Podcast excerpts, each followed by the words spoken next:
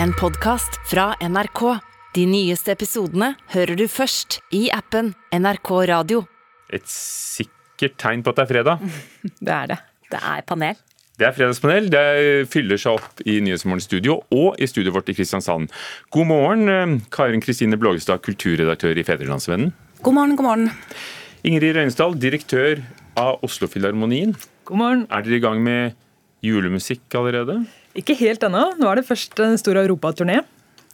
Hvor skal dere? Ja, Vi reiser på søndag. Vi drar til Hamburg, München, Dortmund, Antwerpen, Wien. Det er fint at de kan få glede av, av dere. Torbjørn Harr, skuespiller og musiker, god morgen. God morgen. Det var jo ganske sporty, for du, du har holdt jo jazzkonsert i kjelleren på Oslo Nye i går. Ja, det stemmer. Så ja, da må man Det er helt om natten, helt om morgenen. Hva er det Harr og Hartberg eh, Vi er et jazzorkester som Lars Ove Christensen skriver norske tekster til. Så det er sånn jeg klarer å snike meg inn etter prosjektet. Men, Jeg, jeg bare nevner det siden mange vil tenke på Etterglød, hvor du spiller eh, som går på TV for Ja. tiden, og eh, Dødsdansen på Nationaltheatret, men, men også altså jazzmusiker. Første spørsmål. Vi hørte jo akkurat fra utviklingsministeren i Egypt, hvor hun er der sammen med ledere fra hele verden. Den som ikke er der i år, er Greta Thunberg. Det har blivit noen slags greenwash-festival der store utslippere får åka dit og si ja, vi, vi setter opp det her veldig vaga målet eh, som vi skal nå om noen årtionden samtidig som de ikke gjør noe for å ta seg dit. En grønnvaskingsfestival, kaller Thunberg det. På få år har hun mobilisert millioner av ungdommer og voksne over hele verden i protest mot eh, klimapolitikken. Og nå velger hun å gå ut av rampelyset. Det er på tide å gi megafonen til de som faktisk har noe å fortelle, sier hun. Trenger verden en ny Greta Thunberg, eh, Ingrid Røynsdal? Nei. Torbjørn Haar? jeg, sier, jeg sier nei. Karin Kristine Blågese? Eh, Da sier jeg ja. Fordi Jeg mener at eh, jo flere, jo bedre. Jo flere stemmer som er med og kjemper for klima, jo bedre er det. Og uh, Unge trenger jo ledestjerner og folk som kan eh, tenge, tenne engasjement. Kanskje ikke så mye som de gamle, for det er jo de som kanskje er sinkende i klimakampen. Men uh, Greta Thunberg har gjort en stor jobb, syns jeg. Men jeg er jo litt betenkt over det hun sier nå når hun diskvalifiserer klimatoppmøtet og diskvalifiserer de politiske arenaene for å kjempe for klima. Det er jo litt skummelt, syns jeg. Jeg tenker at eh, altså Det er selvfølgelig imponerende på en måte hvilken synlighet hun har fått omkring sitt eh, tema, men vi lever også i en utrolig kompleks verden. og Vi trenger ikke først og fremst aktivister, vi trenger enda flere som er i stand til å se og hjelpe og bidra i forhold til eh, overnasjonale samarbeid, internasjonale løsninger. Dette er selvfølgelig lett å si, men det er en, en så stor grad av kompleksitet at vi må interessere oss for hvordan ting altså henger sammen, og hvordan løsningene kan finnes på, på tvers. Hun er kanskje mer konstruktiv enn de som kaster suppe på, på Ja, ja, kunstverket. ja, limer seg fast i Andy Warhol, som de gjorde i Australia denne uken. Absolutt. Jeg sier, jeg sier nei, for jeg mener at vi trenger, vi trenger Greta Thunberg. Eh, Så vi trenger ikke noen ny, vi trenger bare mange andre flere. Og jeg mener at det er altfor få aktivister i verden. Eh, Så vi trenger absolutt noen norske aktivister. Som tar opp eh, det, arven etter henne, hvis hun nå virkelig gir seg. Det tviler jeg kanskje litt på, men, men, men at vi trenger noen som våkner opp, og særlig her i Norge. Eh, som eh, særlig nå hvor vi bare håver inn penger, og ikke bruker noe som helst ekstra på å skape det som vi må gjøre. Nye måter å få energi på. Eh, så jeg mener vi trenger folk som skriker mye, mye, mye høyere. Jeg Ja, jeg er veldig enig i det. Altså, for at på en måte internasjonale avtaler og forpliktelser skal inngå, så trenger jo verden en underskog av aktivisme som står på og, og kjemper og skriker og, og prøver å presse kampen framover.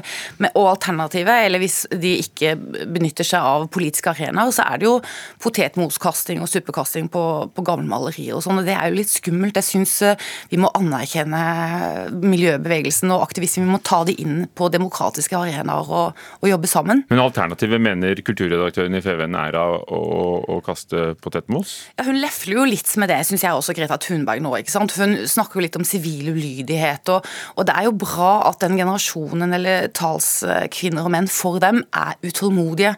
Men hvis vi skal ikke, hvis vi ikke skal bruke politikken, hvis vi har gitt opp politikken som en arena for å kjempe for klima, så syns jeg jo det er veldig skummelt. Da blir jo også debatten veldig mye mer polarisert, farlig. Den kan skape mye mer uro, og det er ikke sikkert det tjener klimaet. Men noen ganger trenger vi kanskje aktivister. Ingrid, denne uken døde Mattis Hetta.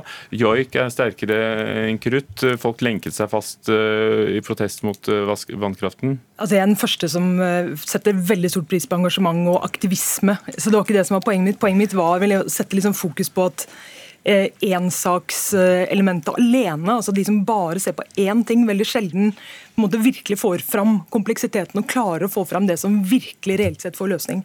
Så jeg tenker at det var egentlig et slag for fakkeltoget for helheten. Men jeg, men jeg tror ikke vi så, Det var jo et klimatoppmøte for en del år siden. Det har ikke skjedd så mye. Vi må ha folk som lenker seg fast, som de gjorde da, eh, med Mattis Hette i spissen for noen år siden.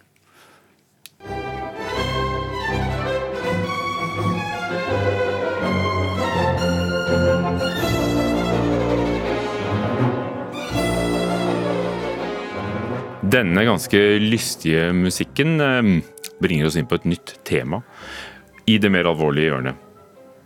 En dag er krigen slutt. Russland og Ukraina kommer fortsatt til å være naboland. Da kan kultur bidra til å lege sårene. Det var det dirigenten her, Vasilij Petrenko, tidligere sjefdirigent i Oslofilharmonien, som sa til Aftenposten denne uken. Han har akkurat vært i, i Norge og dirigert sitt gamle orkester. Petrenko er selv både ukrainer og russer, og har fordømt krigen. Spørsmålet, Det store spørsmålet er kan kultur lege sår? Torbjørn Haar. Ja. Ingrid Reinstad. Ja. Karin Kristine Blågstad. Eh, ja. Dere er veldig optimistiske, eh, syns jeg. Eh, Ingrid først. Altså, det altså, selvfølgelig kan ikke kultur lege alle sår, men kultur er noen av de viktige byggesteinene i et samfunn. Eh, infrastrukturen i et samfunn.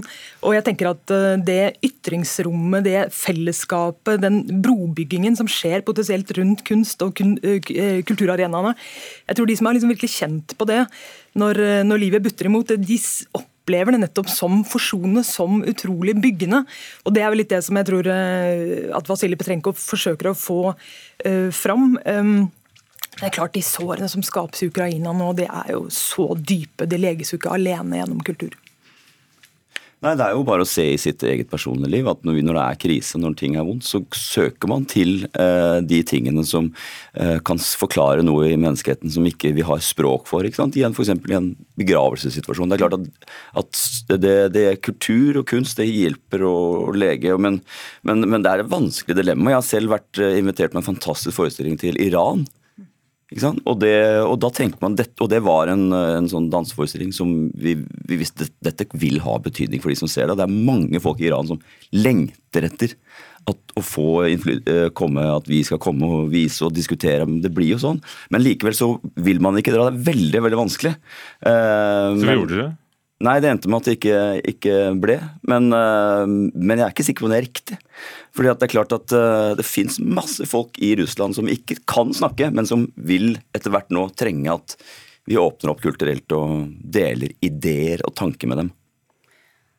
Ja, jeg synes jo det, det er veldig veldig vanskelig dilemma det Torbjørn peker på her. og sånn, men og, Det var jo interessant synes jeg også ved inngangen av denne krigen, for jeg synes jo at kunst- og kulturfeltet nølte litt. eller De var i hvert fall gjennom veldig mange store diskusjoner med seg selv hvorvidt de skulle være med på å sanksjonere eh, når Putin invaderte Ukraina. Og Da følte jeg at kulturfeltet var litt sånn naivt, at de eh, hadde en sånn illusjon eller en tanke som jo er, eh, som er fin, altså, men at kulturfeltet er liksom frikobla av verden, og at det trumfer politikk liksom helt. At det er et parallellunivers hvor alle mennesker vil godt og er gode, og at de er hevet over politikk og krig og vold og sånn, men det er det jo ikke eh, da. Og også kunstnere og kulturaktører er jo for invasjonen eh, i Ukraina. Det fins aktører som er det i Russland. Vi må jo ikke være naive, det har vi jo lært. Men jeg syns jo det er tusen forbehold med den freden. da. Det kommer jo an på hvor store sårene er, hvor, hvordan freden blir, hva slags oppgjør Russland eh, tar med seg selv osv. Det er jo tusen forbehold. Men jeg får lov til å minne om en veldig rørende, et rørende moment i, i vår verdenshistorie. og Det er jo eh, under første verdenskrig, på vestfronten når eh, soldatene var kjempeslitne, det var vel julen i 1914 eller 15 eller noe sånt, så eh, julaften og første juledag, så begynte de å synge julesanger sammen over, over frontlinjene i dette ingenmannsland. De sang julesanger, og de spilte fotballkamper. Det, jo, det sier jo noe om hvilken kraft kultur har, selvfølgelig. Jeg er ikke enig i at eh, kulturfeltet har vært naive i dette. Det har vært veldig reelle diskusjoner, men det har vært vanskelige diskusjoner. For på den eneste måten så har vi denne ideen om at vi har et brobyggende element, men det er jo ingen tvil om at i Russland så er kulturfeltet ekstremt uh, viktig for regimet. Så for mange så har det vært veldig viktig å på en måte finne balansen og ta vare på f.eks. en sånn som Vasilij Petrenko, som aktivt har gått ut og eh, gått mot krigen. Og det er klart at Da omfavner man. Men uh, ja, det er en kompleks diskusjon også. Mm. Ja, og bare så Det er klart det er ingen som har lyst til å reise til Russland nå. Uh, dette var jo ditt spørsmål handlet om hva som skal skje i ettertid. Det er vanskelig. Prokofjev, som vi hørte fra, er født i Tsar-Russland, var sovjetisk, men i det som i dag ligger i Ukraina. Nettopp. Nytt spørsmål. Uh, Elon Musk, verdens rikeste mann, kjøpte jo Twitter, det sosiale mediet, og han begynte jo med å si opp halvparten av 7500 ansatte. Her er en av dem med pappesken utenfor kontoret sitt. I'm really worried it's really the culture shift. There's a lot of people that were leaders and, you know, things like diversity equity and inclusion. I know those people are going. Um, it's going to be a different Twitter in a week. Alt som handler om mangfold og inkludering eh, ryker ut, det blir et annet Twitter om en uke, sa han. Også FN har advart eh, om menneskerettighetenes kår hvis eh, ordet blir friere. Flere frykter nemlig at det vil bli for fritt under Elon Musk. Og kjendisene flykter, skriver Nettavisen. Vil Twitter miste sin betydning etter alt som har skjedd, Karin Kristine Bløgstad? Eh, ja, jeg håper det. Oi, Torbjørn Hai. Da får jeg si ja, jeg frykter det. får jeg si da. Du har 10 000 følgere eller noe sånt? Ja. Det er mye mer enn Oslofilharmonien, faktisk. Eh, beklager å si det, Ingrid Reinsdal. Vi er ikke store på Twitter, det er helt riktig. Men jeg sier nei. Eh, men du håper det, Karin?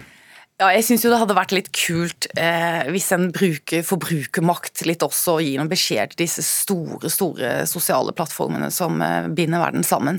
Og så mye mediemakt og så mye makt på ett menneske eller en aktør, det syns jeg er skummelt. Så jeg syns det hadde vært ok hvis eh, man får en beskjed om det, og at Twitter-brukerne ikke aksepterer hva som helst. Og vi har jo sett hvor ødeleggende eh, misbruk av Twitter kan være, hvor mye desinformasjon kan skape, eller kan publisere falske nyheter, og som igjen truer demokrati og skaper uro. Det, det kan være farlig, og det syns jeg forbrukerne og brukerne skal gi en beskjed om.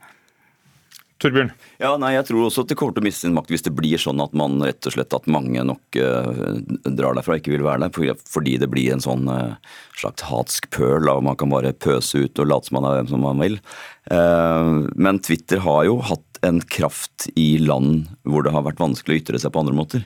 Eh, ikke, det vil Trump mene også? Ja, man fikk jo ikke lov til slutt. Men i, i, eh, i andre land enn vestlige land så har Twitter hatt en kraft for at man kan samle folk, og, og, at det virkelig har noe å si for demokratiet. At man kan diskutere på en plattform som ikke blir overvåket av myndighetene. Eh, så den kraften, men hvis, den forsvinner, så er jo Twitter eh, helt meningsløst. Da blir det som en sånn skoleavis hvor alle får lov å skrive hva de vil. Jeg sa nei, for eh, jeg tror faktisk det kan få en enda større betydning. eller i hvert fall jeg, jeg utelukker ikke Det Det kommer til å få en annen betydning. i hvert fall. Altså, vi vet jo ikke hvordan Musk vil komme til å håndtere eierskapet, men noen betraktninger er selvfølgelig denne ytringsfrihetsfundamentalisten som han erklærer han er. og Det kan han jo på en måte gjøre i USA, men i Europa finnes det jo reguleringer, så på en eller annen måte må han jo forholde seg til det. Eh, jeg er mer bekymra for algoritmene enn på en måte nettrollene. Jeg tenker at Her er det jo noen muligheter for at det virkelig blir, eh, blir et misbrukingspotensial. Det er mest oppsiktsvekkende, synes jeg, det er hvordan det viser sårbarheten i infrastrukturen på internett. Altså hvor utrolig prisgitt vi er, altså disse infrastrukturene. Og at én mann strengt tatt kan eh, kjøpe dette som, som en plattform, er eh, ja, ganske oppsiktsvekkende. Og vi er en sårbar gjeng. Vi er en veldig sårbar gjeng, men den viser også liksom makten til uh, hva pengene kan gjøre. At de kan kjøpe det. Et av de viktigste sosiale mediene for verden nå kan bare bli kjøpt, endret. Uh, så det er ikke noe tvil om at vi lar folk med penger få mer og mer makt her i samfunnet. Jeg hører du trekker pusten, Karin Kristine Blågestad, men, Nei, det ble men, veldig men vi, vi, vi, tungt til sinns. Tungt til sinns. Ja, men la oss slutte på den noten, for deretter blir Ja. det bare bedre på en fredag. Takk skal Ja. dere ha, Fredagspanel. Uh, Karin Kristine Blågestad, kulturredaktør i Fedrelandsvenn, Ingrid Rønsdal, direktør for Oslo Filharmoniske Orkester. Torbjørn Harr, skuespiller, musiker, artist. Takk skal dere ha. En podkast fra NRK. De nyeste episodene hører du først i appen NRK Radio.